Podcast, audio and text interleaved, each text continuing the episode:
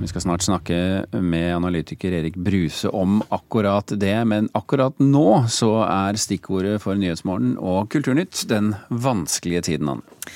Denne uken så ga blogger Sofie Elise Isaksen ut en ny bok.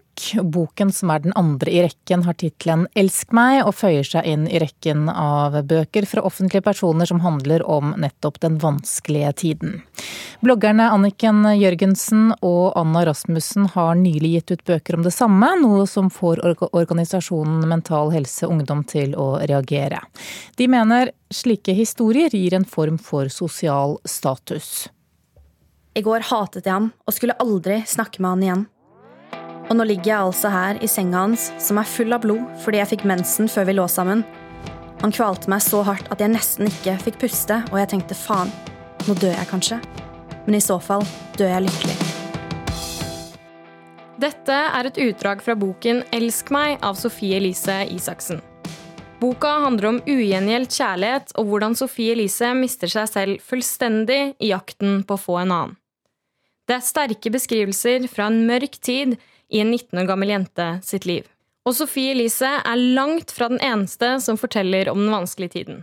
Anniken Jørgensen, Anna Rasmussen og Linnea Myhre har skrevet bøker om det samme. Noe som får Mental Helse Ungdom til å reagere. Det er litt synd at eh, kjente mennesker uh, bruker på en måte, kanskje ikke helt bevisst alltid, men at det blir sånn likevel. Da, at man bruker Eh, de utfordringene man har hatt, og gjerne psykisk, fordi det gir en form for eh, status i samfunnet å snakke om at man eh, har slitt. Det sier Aida Tesfai, organisasjonssjef i Mental Helse Ungdom. Hun sier at hun er positiv til at folk er åpne, men hun mener bloggere bør tenke bedre over ansvaret de sitter med når de har såpass store følgerskarer. Og veldig mange kjendiser kan bruke på en måte det å sin historie til å det blir som en sånn fasadebygger, da, at man snakker ut om den tunge tiden. Sofie Elise selv sier til NRK at hun skrev boka i håp om å hjelpe andre, men hun mener det er viktig å ikke romantisere det å ha det vondt, og at man derfor må skrive om ting sånn som de faktisk er. Jeg vet liksom ikke hva som skjer engang. Anja Katrine Venås, som du hørte her, er blogger og svært synlig på de fleste plattformer på sosiale medier. I denne sesongen av NRK-serien Jeg mot meg åpnet hun seg om de tingene hun har slitt med de siste årene. Hun syns også det er viktig å være åpen, men at det kan være farlig å dyrke sin egen sorg. Jeg har jo sett det selv, at man kan bli veldig fanget i de vonde tankene og de mønstrene. Da. Og så blir det på en måte godt å ha det vondt. Eh, så man sitter jo og dyrker de tankene. Psykolog Peder Kjøs er uenig med Mental Helse Ungdom. Han syns det er bra at bloggere forteller om den vanskelige tiden.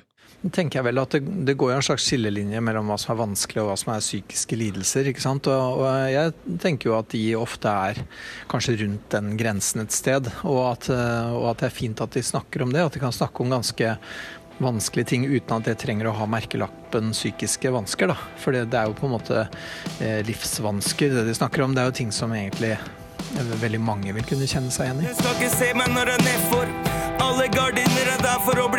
Men det aller viktigste når du velger å åpne deg i offentligheten, er å fortelle om veien ut av den tunge tiden, mener Anja Katrine Venås. Det, og det tror jeg nesten blir det aller viktigste. Å prøve å fortelle deg at du må faktisk kjempe litt for å komme ut av det, og du må du må ville det, da. Fordi det kan jo være vanskelig å komme seg ut av det også.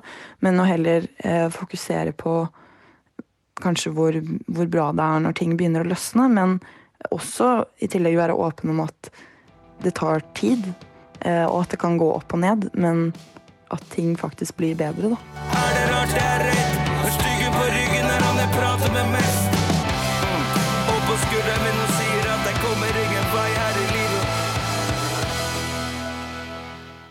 Og reporter her, det var Kaja Andreassen.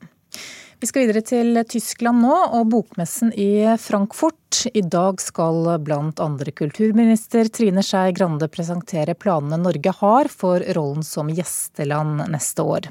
Kulturkommentator Agnes Moxnes, du er på plass. Hva kan vi vente oss i dag? I dag så går jo startskuddet for en må man si, lenge planlagt eh, erobringstokt. Eh, målet med det Norge setter i gang i, Frankfurt i dag, det er å få et eh, mangfold av norsk litteratur inn i kanskje særlig tyske bokhandlere. Bli liksom det man snakker om, og på den måten da utvide kunnskapen og, og interessen for Norge og det norske. Og, og det er en veldig ambisiøs satsing vi snakker snakker om. 52 eh, millioner kroner eh, til sammen. 30 eh, millioner fra, fra, Kulturdepartementet og staten, og resten fra bransjeorganisasjoner og, og sponsorer. Sponsor. Så i sum så er altså dette da den største norske kultursatsingen i utlandet noensinne. Hvilken posisjon har denne bokmessen i Frankfurt? Den har en voldsomt sterk eh, posisjon, både fordi altså, tradisjonen er så lang. Vi går jo helt tilbake, altså har jo røtter helt tilbake til Gutenbergs eh, tid. Eh, så det veldig tydelig i, i, fjor. Da var det eh, Frankrike som hadde den rollen Norge skal ha nå, altså å være gjesteland, et slags hovedland under eh, bokmessa. Eh, bokmessa var like etter valget i, i, Frankfru, i Frankrike. Og, og, like etter dette valget så kom altså da den nyvalgte presidenten Emmanuel Macron hit til Frankfurt for å ha sitt første møte med forbudskansler Angela Merkel. Så, så bokmessa i Frankfurt har en, en, en sterk og viktig eh, posisjon i, i den tyske offentligheten. Men hva innebærer det egentlig å være gjesteland? Nei, Det innebærer at man eh, fra og med søndag eh, førstkommende så skal Norge liksom overta stafettpinnen. Nå er det Georgia som er eh, gjesteland. I fjor var det altså Frankrike. Og Det betyr at man får ekstra mye oppmerksomhet både av medier, i bokhandlere. Skal også satse på film og, og, og gjøre seg synlig, og man får muligheten til det i løpet av det året som kommer. Og så er det det Norge som da er hovedlandet når bokmessa åpner igjen neste år, bl.a. med en gigantisk stor paviljong, eh, som vi skal høre litt mer om hvordan skal, skal utsmykkes, eller hvordan designen skal være på den. da. Men det er jo for de som er på besøk på messa, og ikke for det store, store litterære publikummet. Du var innom dette her med investeringen. 52 millioner kroner altså, 30 av dem fra staten. Det har jo kommet kritikk, vi husker i fjor bl.a. fra Jan Kjærstad. Hvordan måler vi hva vi får igjen for disse pengene? Det vet man eh, ikke Altså det må jo ikke bli en, en, stor eh, og kjempekostbar fest for bokbransjen og for, eh, for, forfatterne utelukkende. Kan ikke se om dette har vært vellykket før det har gått tre-fire år. Hvis oppmerksomheten og kunnskapen om norsk litteratur har økt betraktelig, så har dette vært en bra satsing. Hvis ikke så kunne det vel like gjerne gått til til stipendier til norske forfattere. Det er ikke så lett å måle, da? Det er veldig vanskelig å, altså det er på et vis vanskelig å måle, men samtidig så, over, så, måles det hver eneste gang det oversettes en bok fra norsk til et fremmedspråk, så regnes det eh, inn og, og systematiseres. Så vi vet bl.a. at i, i, fjor så var det nesten 600 norske titler som ble oversatt til ulike språk. Og det er altså 200 norske boktitler som skal ut på det tyske markedet i løpet av dette bokåret 2019. Så det er en stor satsing som det er mulig å telle. Og det er også mulig å telle i hvor store opplag bøker har, har solgt. Takk skal du ha, kulturkommentator Agnes Moxnes, direkte med oss fra Frankfurt. Vegard Kjørom, kollega, du har kommet i studio nå. Det skal handle om eh, dette med å stanse seksuell trakassering i Kultur-Norge. Nå blir det foreslått en egen sertifiseringsordning. Hva handler det om? Jo, I Dagsavisen i dag kan du lese at kulturminister Trine Skei Grande er begeistra over en idé om noe som kalles metoo-sertifisering. og Det er da et gullmerke eller et sølvmerke som kulturinstitusjoner kan få, om de er gode nok på å oppfylle de kravene som da blir stilt til dem i denne sertifiseringsordninga. Målet er å minske omfanget av seksuell trakassering i Kultur-Norge. Ok, men da lurer iallfall jeg på hvordan skal dette fungere? Ja, altså For å få et gullmerke så må du f.eks. ha retningslinjer og praksis mot eh, trakassering. Eh, det må drives opplæring av ansatte, du må ha et system der en følger godt opp eh, saker som kommer opp, eh, og evaluere til enhver tid arbeid mot seksuell trakassering. Og Det er foreningen Balansekunst som står bak den ideen, og som òg skal jobbe videre med ideen.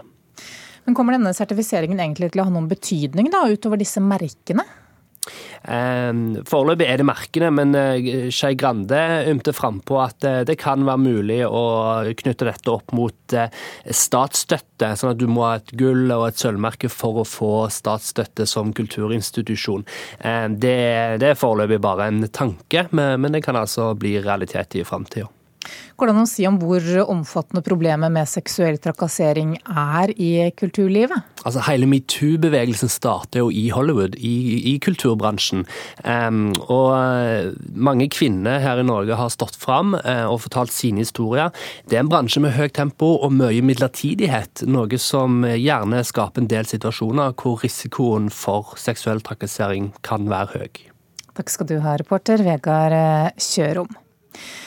I morgen er det norgespremiere på filmen A Star Is Born med Lady Gaga og Bradley Cooper i hovedrollene, og Cooper er også regissør. Denne historien har vært filmatisert hele tre ganger tidligere, med Janet Gaynor og Frederick March i 1937, Judy Garland og James Mason i 1954, og Barbara Strayson og Chris Christofferson i 1976. Baby, it's time to let the time the old. A Star Is Born har vært filmatisert tre ganger tidligere. Nå har Lady Gaga og Bradley Cooper oppdatert historien om det kompliserte forholdet mellom en stigende stjerne og hennes mentor.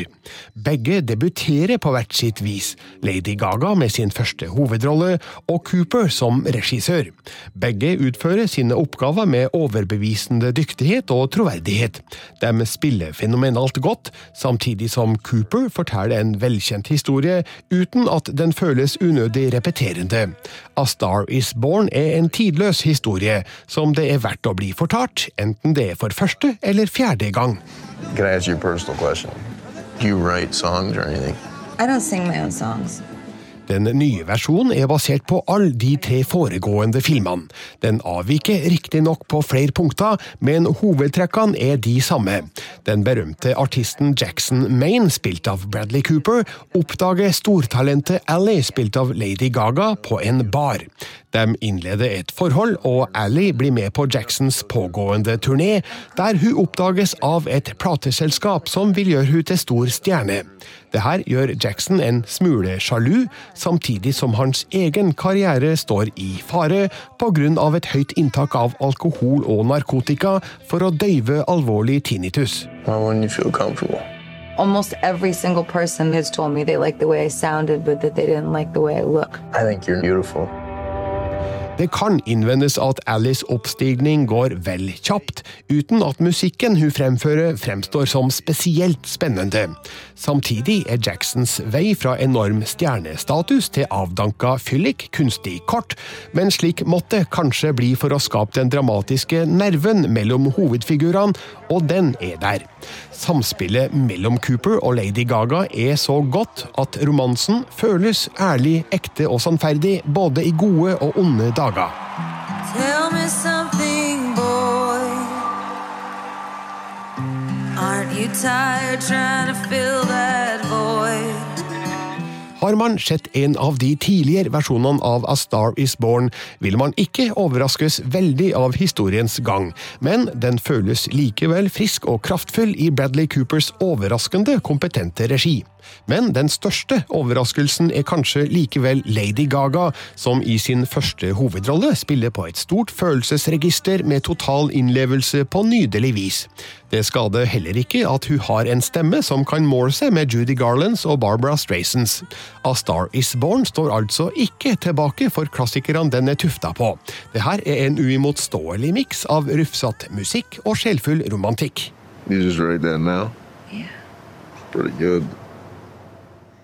Ja, Star is Born ble anmeldt av vår kritiker Birger Vestmo. Filmen den har premiere i morgen her i Norge.